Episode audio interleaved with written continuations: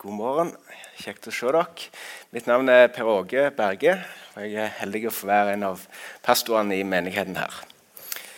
I dag skal vi tale over temaet 'kommende tider'. Og Jeg skal prøve å gi en liten oversikt over det som Johannes' åpenbaring beskriver for oss. Men før vi gjør det, så har jeg lyst til at vi fortsetter litt i bønn. Takk, Jesus, at du som var, og som er, og som kommer, at du er den samme, og at du er her iblant oss nå. Jeg ber at du for din ånd gjør ordet levende for oss, taler til oss, at vi skal få løfte blikket på deg, Jesus, i møte med kommende tider. Og ha vårt blikk festa på deg og våre føtter fast planta i ditt ord. Og få kjenne, Herre, at du er trofast, og du bærer og holder gjennom alle dager og alle slags dager inntil du kommer og himmelen er vår. Amen.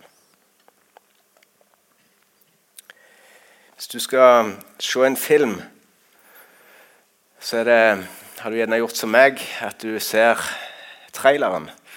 Du eh, ser et lite, en liten oppsummering hvor du får noen glimt her og noen glimt der, hva filmen dreier seg om, før du vurderer om det er aktuelt å se hele.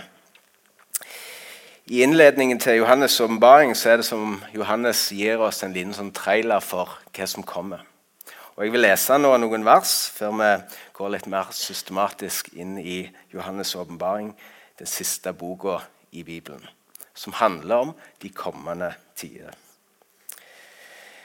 Dette er Jesu Kristi åpenbaring, som Gud ga han for at han skulle vise sine tjenere det som snart skal skje. Han sendte sin engel og gjorde det kjent for sin tjener Johannes.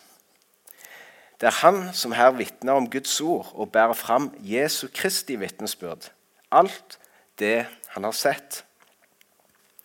Salig er den som leser opp ordene i denne profetien, og salig er de som hører og tar vare på det som står strevet, for tiden er nær. Johannes hilser de sju menighetene i Asia. Nåde være med dere, og fred fra Han som er, og som var, og som kommer. Og fra de sju åndene som står foran hans trone, og fra Jesus Kristus, det troverdige vitne. Den førstefødte av de døde og Herren over jordenes konger. Han elsker oss og har fridd oss fra våre synder med sitt blod, og har gjort oss til et kongerike, til prester for Gud, sin far. Han tilhører æren og makten i all evighet. Amen. Se, han kommer med skyene. Hvert øye skal se ham.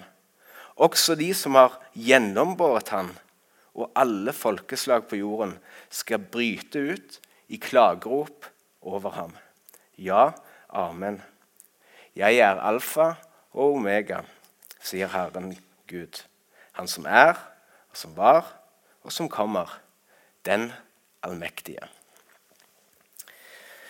En åpenbaring. Ordet kommer av det å bli avslørt, eller noe som er skjult, blir gjort synlig. Jeg har lyst til å bruke et bilde. Tenk dere at dere står på Rådhusplassen.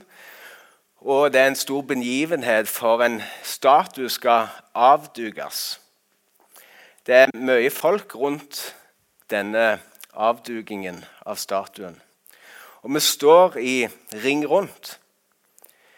Og når sløret blir dratt av, så ser du og jeg forskjellige deler av denne statuen. Og Sånn er det òg når vi leser Johannes' åpenbaring. Vi får ulike perspektiv og legger vekt på ulike ting. Kanskje jeg ser noe som jeg blir begeistra og oppmuntra av fra min vinkel. Mens du fra din vinkel ser noe som tenker det var rart, eller det var spesielt, eller det ga ikke mening. Jeg tror bildet taler for seg med tanke på det vi snakker om nå, som handler om de kommende tider og det å gå inn i Johannes' åpenbaring. Kirkesamfunn og enkeltpersoner har lagt vekt på ulike ting ved det en har sett i åpenbaringen og i Guds ord knytta til kommende tider. Samtidig med det så er vi forskjellige som personer. Vi har forskjellige tilnærming til dette temaet. Noen har kanskje valgt å bli hjemme i dag fordi det er for utfordrende å snakke om og høre budskap som handler om de kommende tider.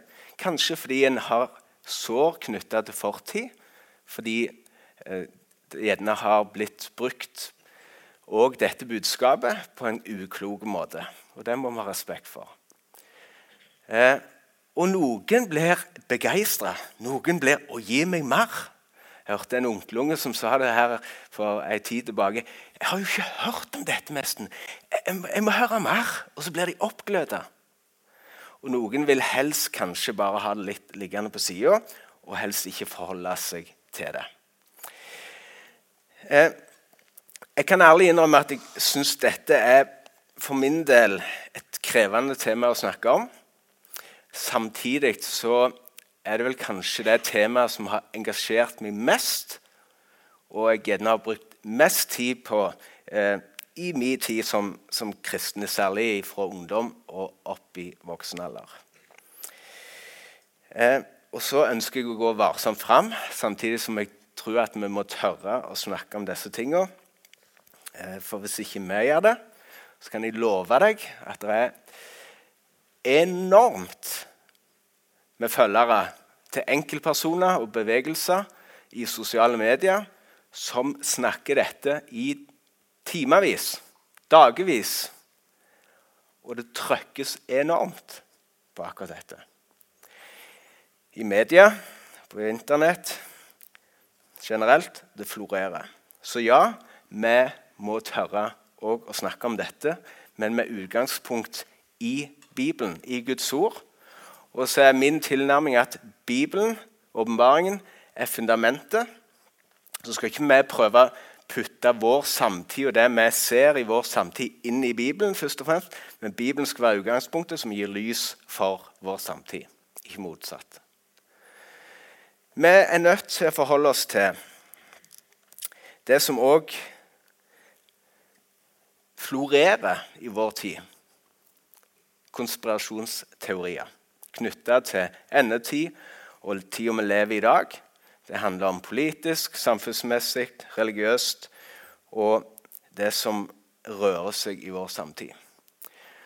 Og så trenger vi en sunn tilnærming til alt dette. Og jeg møter det jevnlig enten det er i byen eller det er i de innerste bygda, så møter jeg personer som snakker om disse ting. Og jeg blir mer og mer sånn Oi, er det så vanlig å snakke om dette nå? Og jeg tror at verdenssituasjonen vi er i nå, med krigen i Ukraina, med pandemien som mer eller mindre er over, og som har gjort noe med oss, med en global oppvarming og en jordklode som svetter og har feber. Med et spenningsnivå militært med Russland og Ukraina og i Europa. Og ikke minst med USA og Kina. Og ikke minst den spenningen som vi opplever i Midtøsten, som i mer eller mindre grad pågår mellom Iran og Israel. Og situasjonen i Nord-Korea. Og så kjenner vi på at dette er vanskelig å forholde seg til. Iallfall gjør jeg. Samtidig med det så tror jeg ikke det blir bedre hvis vi ikke tør å snakke om det. Og min, hjert, mitt hjerteligste ønske er ikke å skremme med disse tingene, og det mener jeg oppriktig, men at vi skal være beredt. Og det er det som jeg, jeg tror kanskje er hovedbudskapet i Bibelen. Våk, vær våkne, vær klar og vær beredt på den tida som kan komme. Og som kristne, ikke minst. Åpne dører sin eh, oversikt over forfølgelse verden over, den er dessverre med dette budskapet aldri har han opplevd en sånn kristendomsforfølgelse som i dag.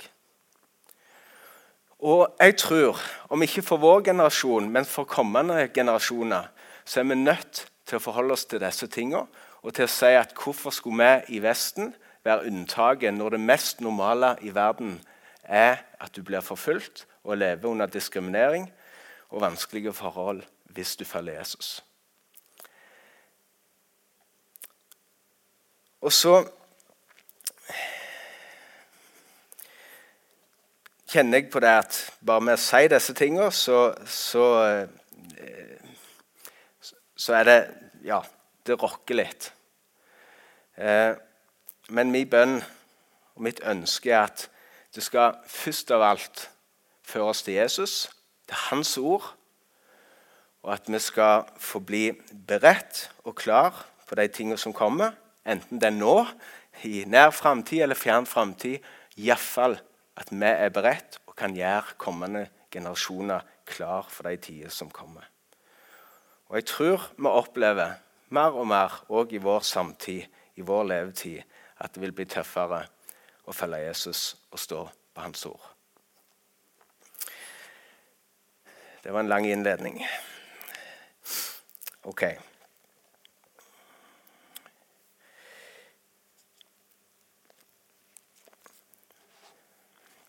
Jeg skal ta dere med litt inn i en oversiktsbilde over Johannes' åpenbaring. Denne traileren, innledningen jeg leste, tar oss med videre inn i de sju sendemenighetene. De menighetene som Johannes hilser. Han eh, var sjøl forvist til Patmos, ei øy utenfor Hellas.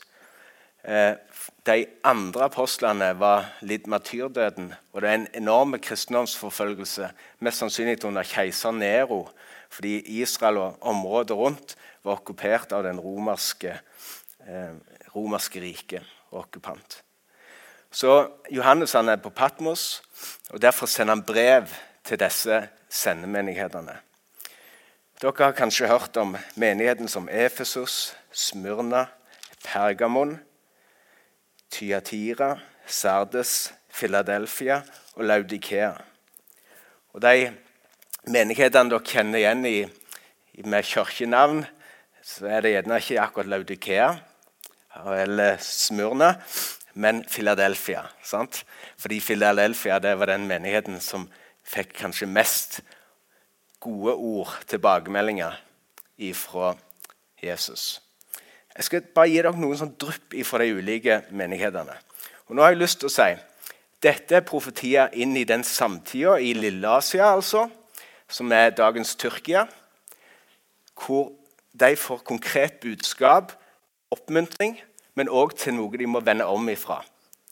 Det var gitt inn i den situasjonen, men jeg tror òg det har en allmenn gyldighet til menighetene som helhet over jorda sin befolkning i dag.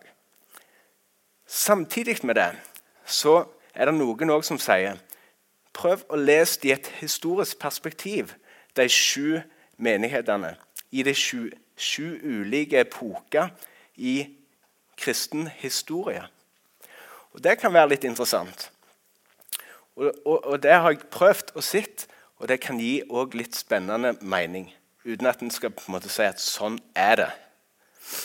Og Da er det noen som kanskje sier at Philadelphia, som representerer den, en positiv tid med innhøstning, med vekkelse, med ånd og liv og kraft, mens det òg mot slutten vil være mer en type Laudikea, som representerer likegyldighet, lunkenhet, fokus på, eh, på det materielle, på penger og som sier jeg, vi, er rike, vi har overflod av alt. Vi har det godt. Og så sier Guds ord du vet at du er fattig, naken og blind. Og så sier han se jeg står for døra og banker. Om noen vil åpne døra, så vil jeg komme inn og holde måltid. Så Jeg syns det er spennende, samtidig som jeg kjenner at det, igjen, det er litt utfordrende å forholde seg til. Efesos var et lite glimt. Han sier, 'Jeg vet om dine gjerninger, ditt strev og din utholdenhet.' 'Jeg vet også at du ikke kan tåle det onde.' 'Du har prøvd den som kaller seg apostler, men ikke er det.' Osv. Han får skrøyt, oppmuntring, men dette har jeg imot deg. Du har forlatt din første kjærlighet. Og Det er jo òg for oss kan ransake oss. Hva er min kjærlighet? Er den knytta til Jesus? Eller til Pergamon. Sier, han sier 'Jeg vet hvor du bor'. Det er faktisk hvor Satan har sin trone. Altså Et plass hvor det var religiøse ofringer og, og, faktisk til, til guden, som, som, som, Bibelen da kaller Satans trone. Og Hva det betyr, vet vi ikke helt. Men han sier du skal, du skal få en hvit stein. Du er en skjult mann. Du skal få et nytt navn som ingen andre kjenner uten så på en måte løfte han opp og oppmuntre midt i den kampen de står i som menighet.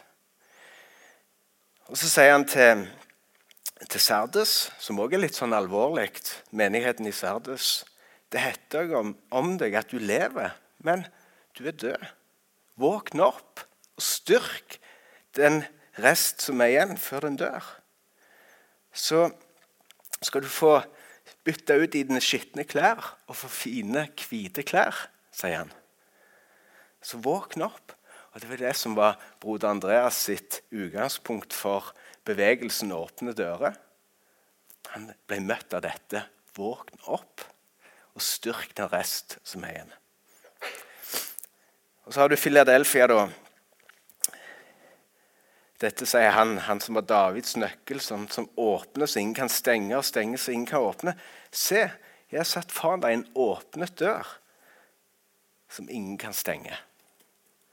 Fordi du har tatt vare på mitt ord om å holde ut, vil jeg bevare deg gjennom den tiden av prøvelser som skal komme.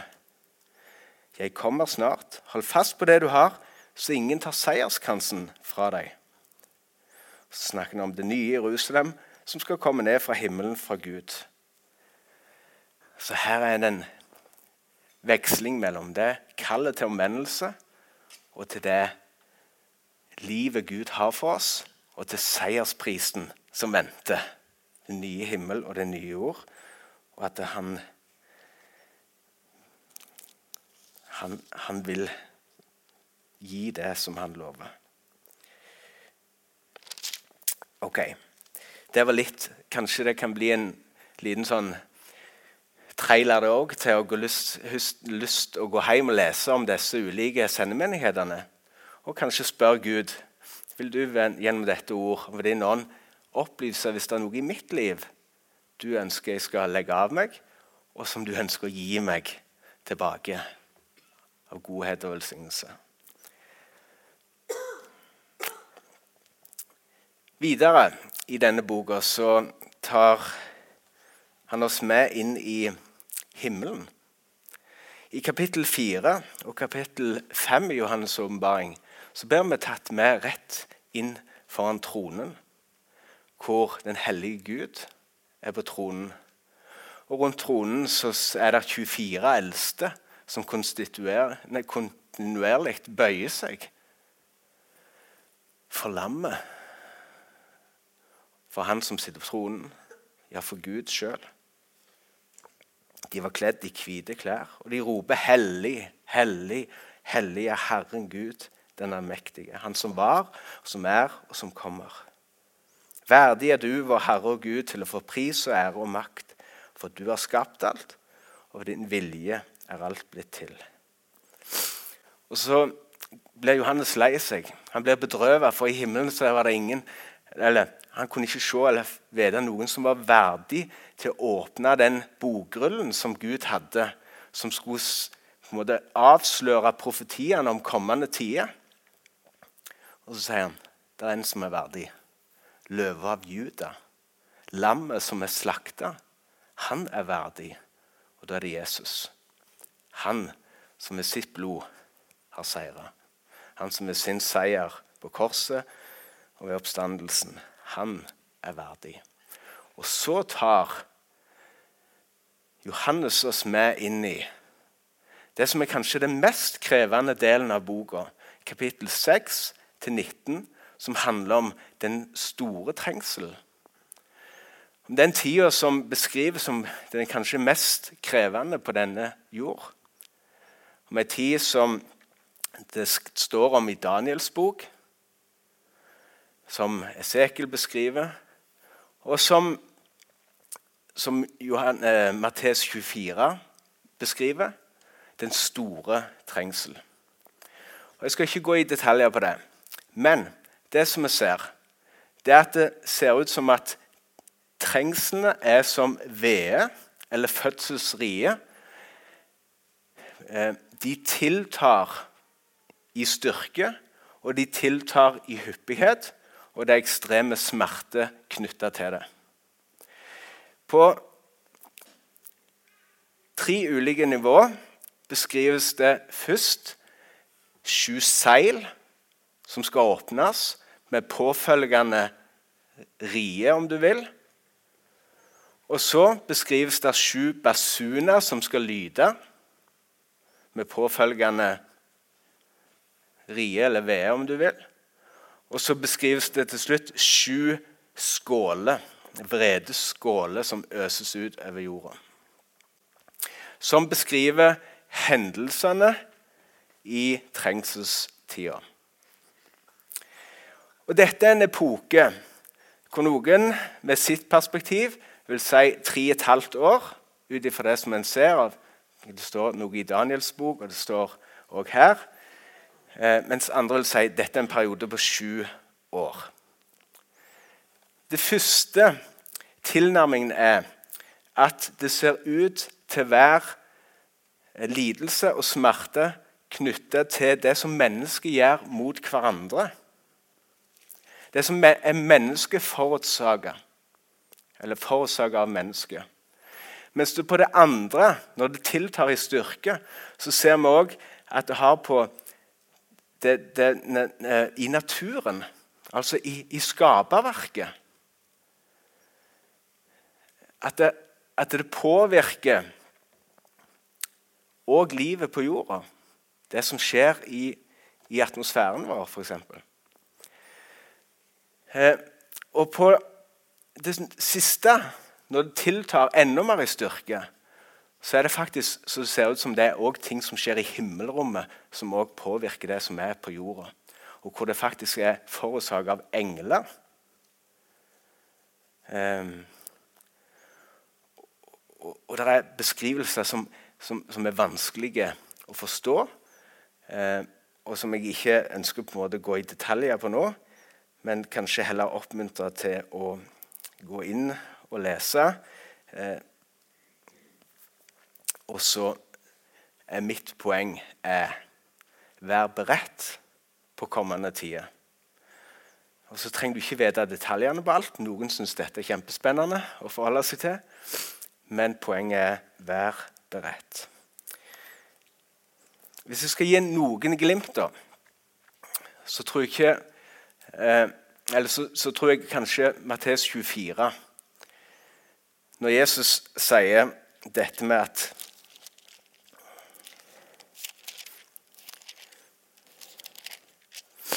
Han sier Pass på at ingen fører dere vil, for det skal komme mange i mitt navn si jeg er Messias, og de skal villede mange. Dere skal høre om kriger, og det skal gå rykter om krig. Se da til at dere ikke lar dere skremme, for dette må skje. Men ennå er ikke enden kommet. Folk skal reise seg mot folk, og rike mot rike. Og det skal være hungersnød og jordskjelv mange steder. Men alt dette er bare begynnelsen på fødselsriene. Da skal de utlevere dere for forfølgelse og slå dere i hæl. Ja, dere skal hates av alle folkeslag for mitt navns skyld.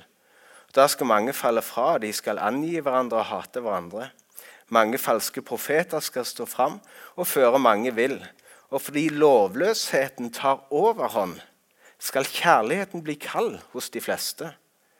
Men den som holder ut til enden, skal bli frelst. Og dette evangeliet om riket skal forkynnes i hele verden til vitnesbyrd for alle folkeslag. Og så skal enden komme. Og Det som er her, det er at dette beskrives som fødselsvee eller rie. Og så sier han noe om den store trengselen som egentlig kommer her. Og Da snakker han om Antikrist og Antikrists rike. Og den falske profet og dragen og den som skal stå fram i trengselstida. Som, som, her beskrives som den motbydelige, som profeten Daniel beskriver.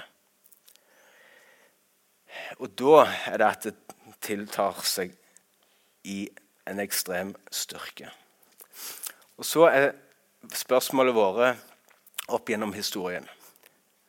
Skal Kirka, skal menighetene, vi som enkeltpersoner, som kristne, ta del i den store trengsel?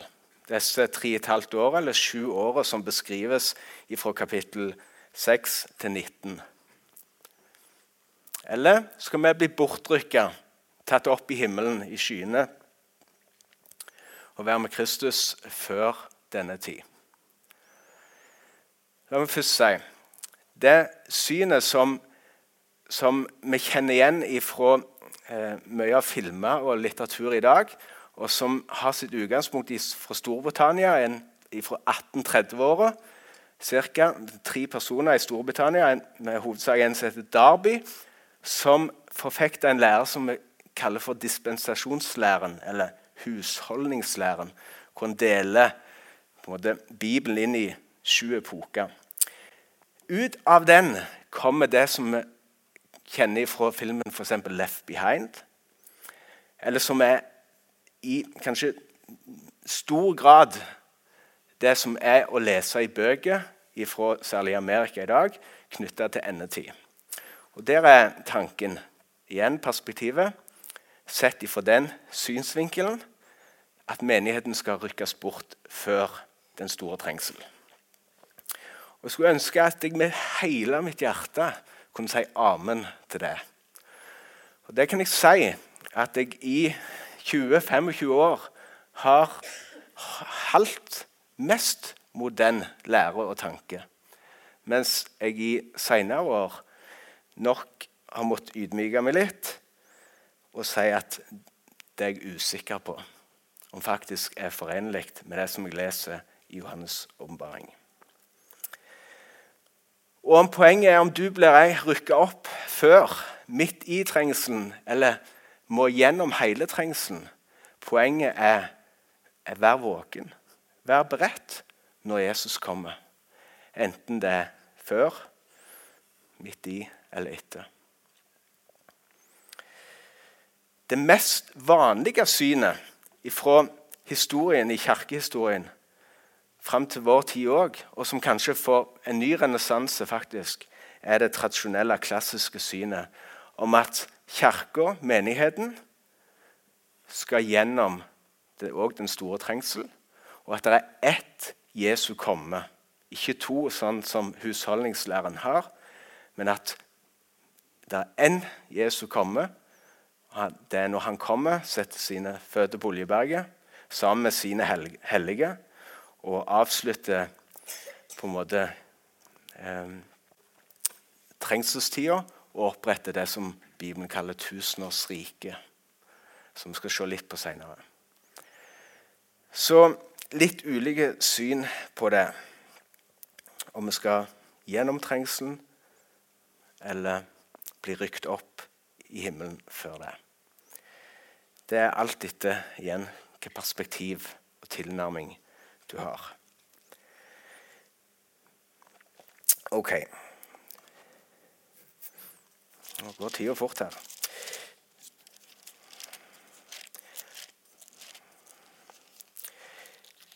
La meg kjapt ta dere med til det som beskrives i den store trengsel, og som jeg vil kanskje løfte fram fordi at det faktisk nå i vår tid er mulig, noe som vi tidligere tilbake i historien tenkte var ufattelig. at det beskrives i den antikristelige tida, når Antikrist står fram, en som ikke bare er imot Jesus, men en som setter seg i Jesus sitt sted, dermed antikrist. Han står fram, kanskje først som en fin, flott diplomat, en verdenshersker og leder som redder nasjonene, men som framstår senere med sitt sanne ansikt som antikrist. Og forfølgelsen av de hellige, av det jødiske folk, tiltar. Og det står i Åpenbaringen 13 at det er dyret, eller dragen, som gir dyret makt. Antikrist makt. Altså den, det er det er djevelsk, det som står bak. Og det antikristelige system og den antikristelige ånd har vært til stede i hele verden. Men i denne tid så tiltar det, og det står at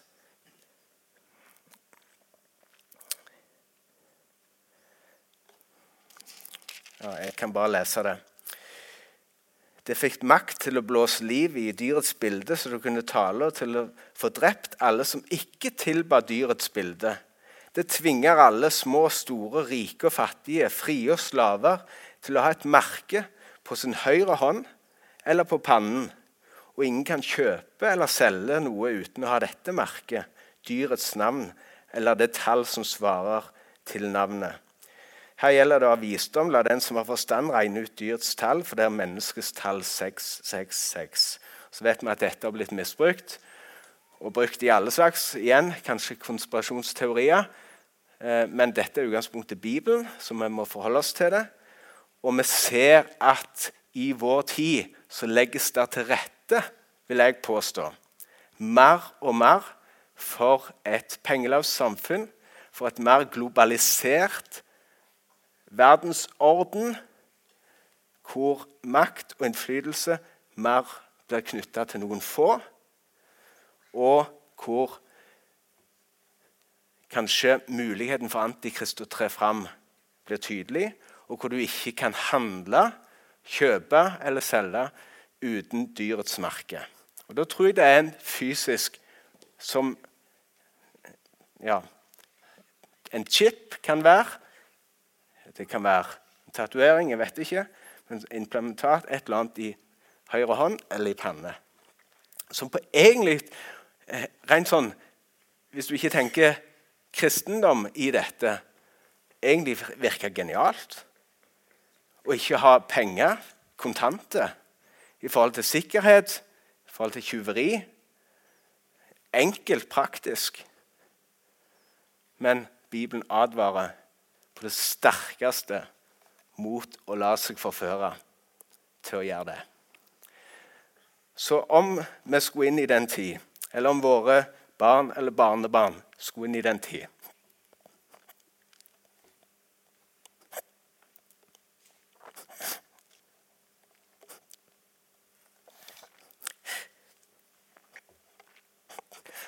Så må vi være forberedt. Som løfter fram målet.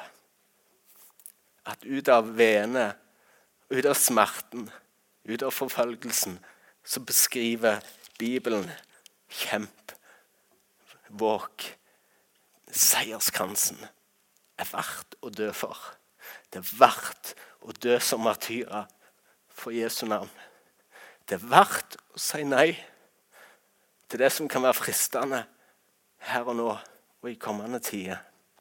For i seierskransen, folkens vene, fødselsriene, du går mot et nytt liv. Ikke bare for mennesker, men for hele kosmos, hele atmosfæren. Den nye himmel og den nye jord. Og Det er det som skal oppmuntre oss til ikke gi opp. Det beskrives som et tusenårsrike etter at Jesus har kommet igjen for å ha gjort han kaster djevelen og alt det vonde. I tusen år blir det bonde. Jeg skal ikke gå mer inn på det. Jeg tror det er et fysisk rike her på jord hvor Jesus regjerer som konge. Og Israel har vendt om. Og Israel har sett at Jesus er Messias. Sløret er tatt vekk, og de blir som misjonærer for resten av verden. Akkurat som Josef og brødrene. Husker dere historien? De bøyer seg for, for Josef. Akkurat som Israel en dag skal se wow, han er Messias, og de bøyer seg for han. Og de blir frelst som en nasjon. Og så oppretter Jesus hvor han er konge på jord. Et rike, et tusenårsrike, Salomos rike, et fredsrike. Og så kunne jeg holdt på lenge, altfor lenge. Men folkens, vårt endelige mål er Jeg så en ny himmel og en ny jord. For den første himmelen og den første jord var borte. Hav fantes ikke mer. Og, hel, og jeg så den herlige Unnskyld. Den hellige byen, det nye Jerusalem, stige ned fra himmelen fra Gud, gjort i stand og pyntet som en brud for sin brudgom. Og jeg hørte fra tronen en høy røst som sa, Se, Guds bolig er hos menneskene. Han skal bo hos dem, og de skal være hans folk og Gud selv skal være hos dem. Han skal være deres Gud. Han skal tørke bort hver tåre fra deres øyne. Og døden skal ikke være mer, heller ikke sorg eller skrik eller smerte. For det som en gang var, er borte. Se, jeg gjør alle ting nye. Og jeg har fått være med på den fantastiske opplevelsen å få ta imot sammen med Line tre herlige gutter. Og Den festen og den gleden etter den smerten og Du trodde ungene aldri skulle komme ut og bli født. Og den smerte for Line å stå i. Men sånn er det òg med denne tid.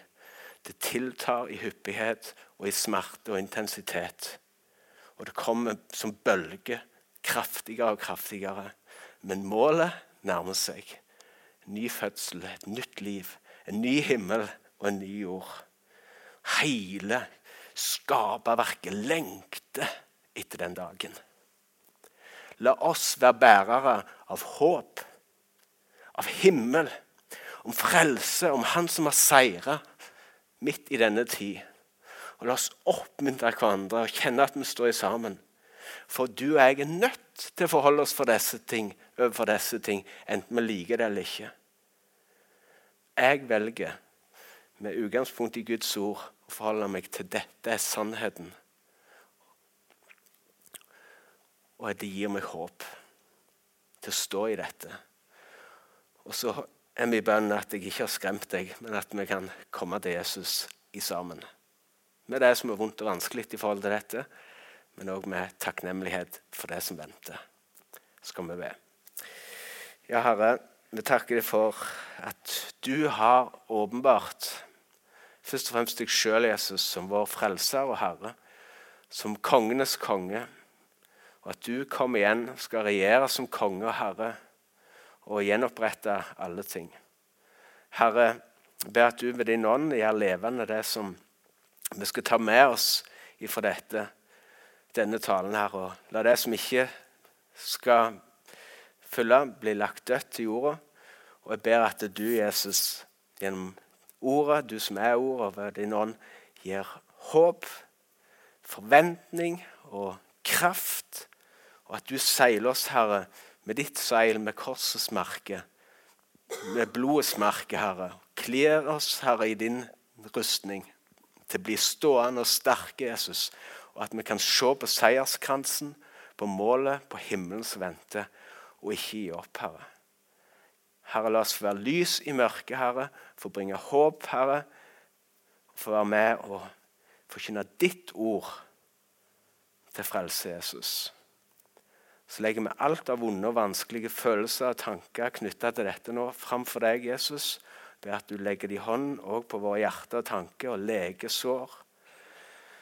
Og at du reiser oss opp til hver den menighet til enkeltpersoner og familier som du ønsker oss å være i den tida vi lever i nå. Så ønsker vi ikke å skremme hverandre, men å velsigne hverandre, Jesus, heie på hverandre. Støtte hverandre, Jesus. Amen.